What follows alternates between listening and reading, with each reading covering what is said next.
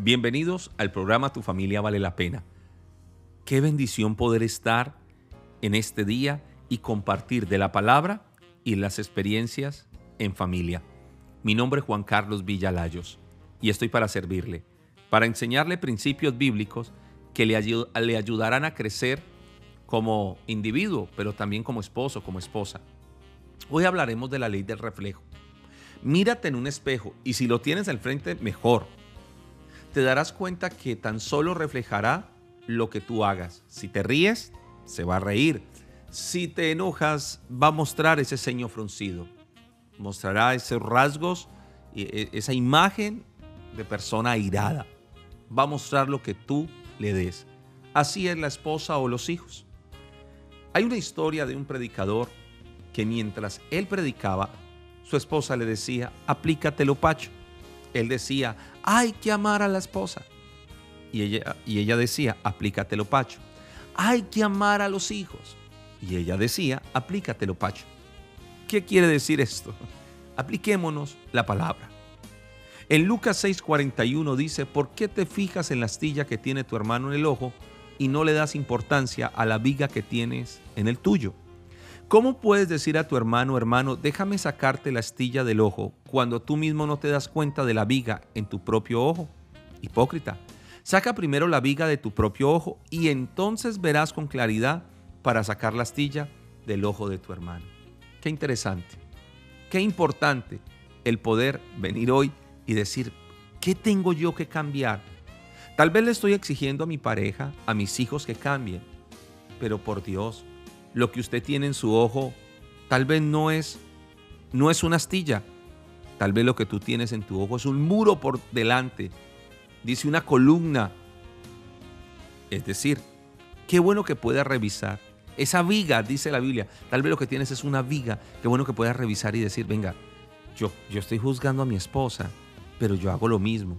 Yo estoy juzgando a mis hijos, pero yo hago lo mismo. Romanos 2 dice, tú que dices que no se puede mentir, mientes, tú que, dices que no se puede adulterar, adulteras, tú que dices que no se puede fornicar, fornicas. O sea, ahí, ahí no hay nada, ahí no hay, o sea, tú no puedes exigir algo que no estás dando. El problema de la religiosidad es que siempre demandaremos en otros las cosas que nosotros no estamos dando o no estamos haciendo. Y quiero decirle algo, las cosas que no se corrigen se autorizan, las cosas que no corregimos damos por sentado que el otro también la puede hacer. Y eso es, eso es muy peligroso. Entonces, muchas veces estamos llegando a casa y decimos que no se puede gritar, pero tú gritas.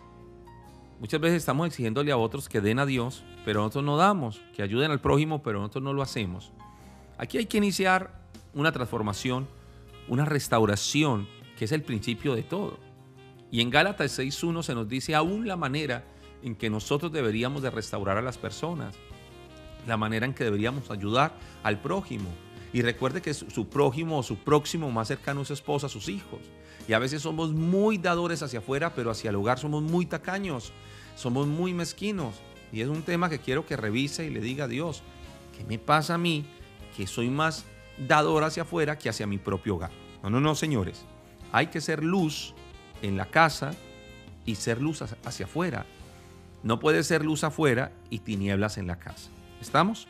En Gálatas 6.1 entonces dice, hermanos, si alguno fuere sorprendido en alguna falta, vosotros que sois espirituales, restauradle con espíritu de mansedumbre, considerándote a ti mismo no seas que tú también seas tentado. La mayoría de parejas que vienen a consejería y muchos vienen acusando a su esposa o acusando a su esposo, yo siempre le pregunto, ¿en esto que lo estás acusando tú das ejemplo? No. Ah, bueno, entonces ¿Qué tal si más bien entramos en un proceso de restauración? La mejor manera de restaurar un matrimonio o sea al, esposo o a la esposa dentro del hogar es pensar que pudiste ser tú y que si fuera hubiese sido yo. El sello del amor es la restauración, no el juicio. El sello del amor es la restauración, no el juicio. Y en Gálatas 6.2 dice, sobrellevad los unos las cargas de los otros y cumplid así la ley de Cristo. Piensa esto. Jesús cargó en un madero tu pesada carga. Siguiendo ese ejemplo, el cielo espera que tú hagas lo mismo con tu hermano.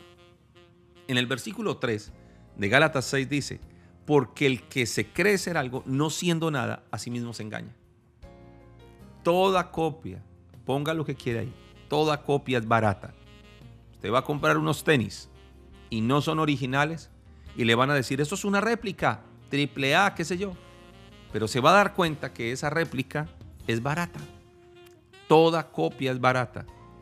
Dios espera que tú y yo seamos originales, que seamos verdaderos. Versículo 4 de Gálatas 6 dice, así que cada uno someta a prueba su propia obra y entonces tendrá motivo de gloriarse solo respecto de sí mismo y no en otro. Sometamos a prueba nuestra conducta, nuestros principios si quiere, nuestros valores, lo que hablamos, sometámoslo. Y dice la Biblia que allí veremos realmente el fruto de cada uno de, de sus obras, de lo que hace, de lo que expresa. Es decir, queremos cristianos reales, queremos ser reales. Reales no quiere decir perfectos en ego.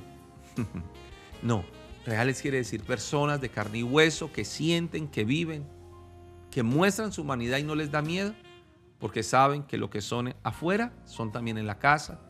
No hay una disonancia ahí, sino que son reales y son lo que son, hijos de Dios. Pero la religiosidad que nos enseñó a aparentar, porque la religiosidad guarda la apariencia, pero el carácter guarda el testimonio. Porque cada uno llevará su propia carga en Gálatas 6:5. Asume tu responsabilidad. Recuerda que si vienes a mí y me dices, ese hombre es un ogro, ese hombre es un gritón, mírate a ti mismo. ¿Qué es lo que has permitido? ¿Qué es lo que has permitido? ¿Qué es lo que, has, qué es lo que ha hecho que, que ese hombre o esa mujer se hayan vuelto de la manera que son? Ahora, no quiero echarle la culpa porque lo que quiero es que esa persona asuma su responsabilidad. Todo lo que Dios hace en el hombre comienza con la palabra restauración. La restauración es activar esos diseños de Dios para nuestra vida, esa restauración para tu hogar. ¿Cuántos años llevando los mismos problemas y las mismas circunstancias y nada cambia porque no hay un proceso legítimo de restauración? Así que estás en las manos del Maestro. En este día, Él está trabajando en ti. Piensa cómo te gustaría que te trataran si cometes una falta. ¿Qué esperarías que hicieran contigo? Piensa cómo te gustaría que tu esposa te trate. Trátala tú. Piensa qué te gustaría que te regalen. Regala tú. Esa es la idea. La idea es que puedas dar a otros lo que realmente quieres para ti. La transformación entonces se vuelve una meta, porque usted quiere ser un reflejo del amor de Dios. Como hay una canción que dice, Señor, yo quiero ser como tú, porque mi hijo quiere ser como yo. Entonces en Romanos 2.1 dice la escritura, por lo cual eres inexcusable, oh hombre, cualquiera que seas tú. Tú que juzgas, pues en lo que juzgas a otro te condenas a ti mismo, porque tú que juzgas hace lo mismo. Si juzgas, sabes que te condenas. Si restauras, sabes que salvas.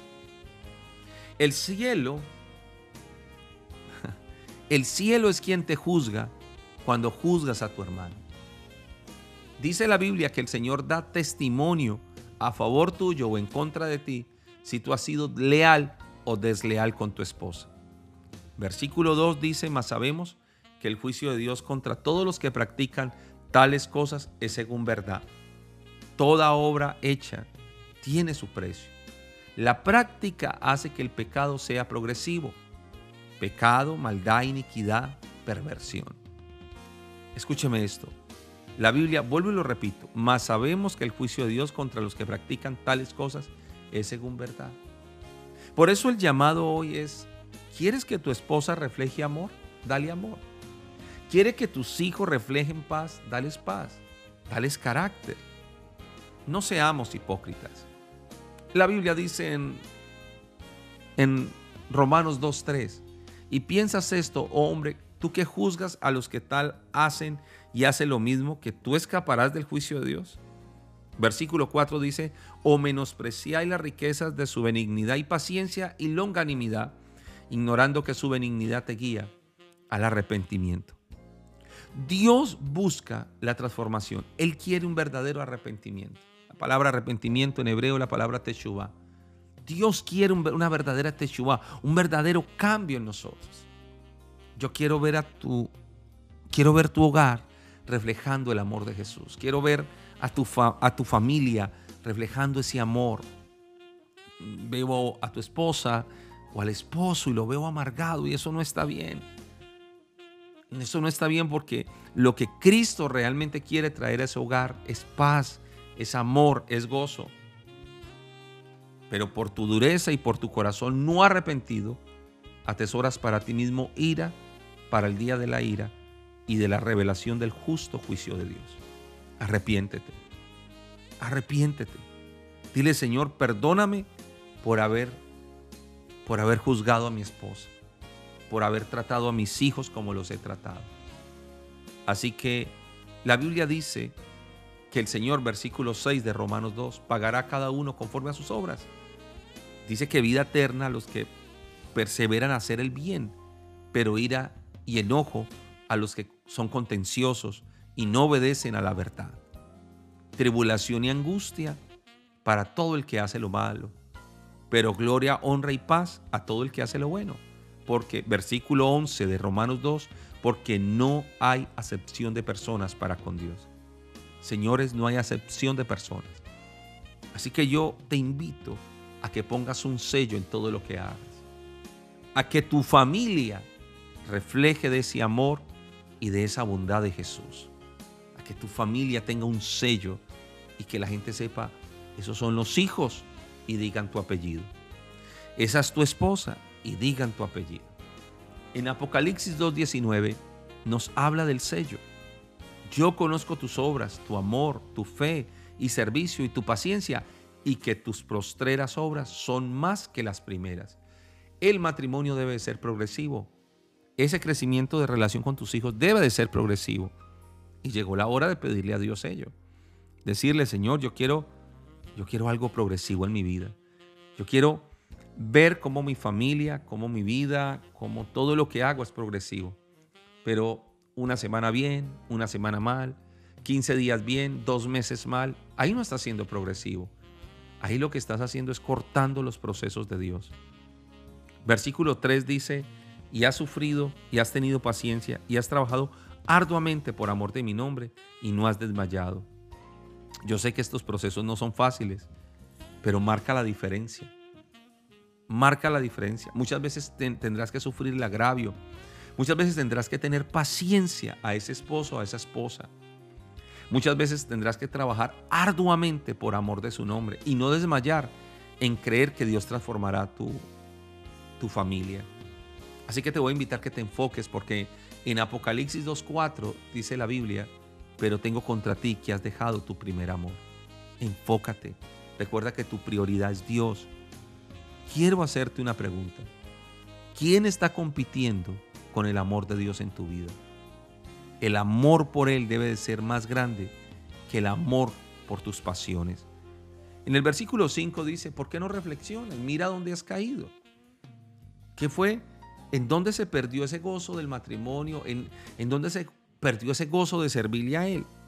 Apocalipsis 2.5 dice, recuerda por tanto donde has caído y arrepiéntete y haz las primeras obras, pues si no vendré pronto a ti y quitaré tu candelero de su lugar si no te hubieres arrepentido. Ven, mira dónde caíste, dónde se perdió la conexión de tu hogar. Revisa, replantea lo que está sucediendo y levanta tu hogar. Que a Dios le interesa tu familia Tú estás en el plan de Dios y tu familia también. Pero necesitamos volver a reflejar ese amor, ese gozo, esa alegría, eso que Cristo marcó como diferencia. Señor, yo te doy gracias por, tu, por tus hijos, gracias por tu bondad, gracias por ayudarlos en su hogar a reflejar a Cristo y ellos mismos puedan ver que sus hijos, su esposa y esposo son reflejo de su amor. Te doy gracias, Señor. Amén y amén. Dios les bendiga. Recuerde, tu familia vale la pena.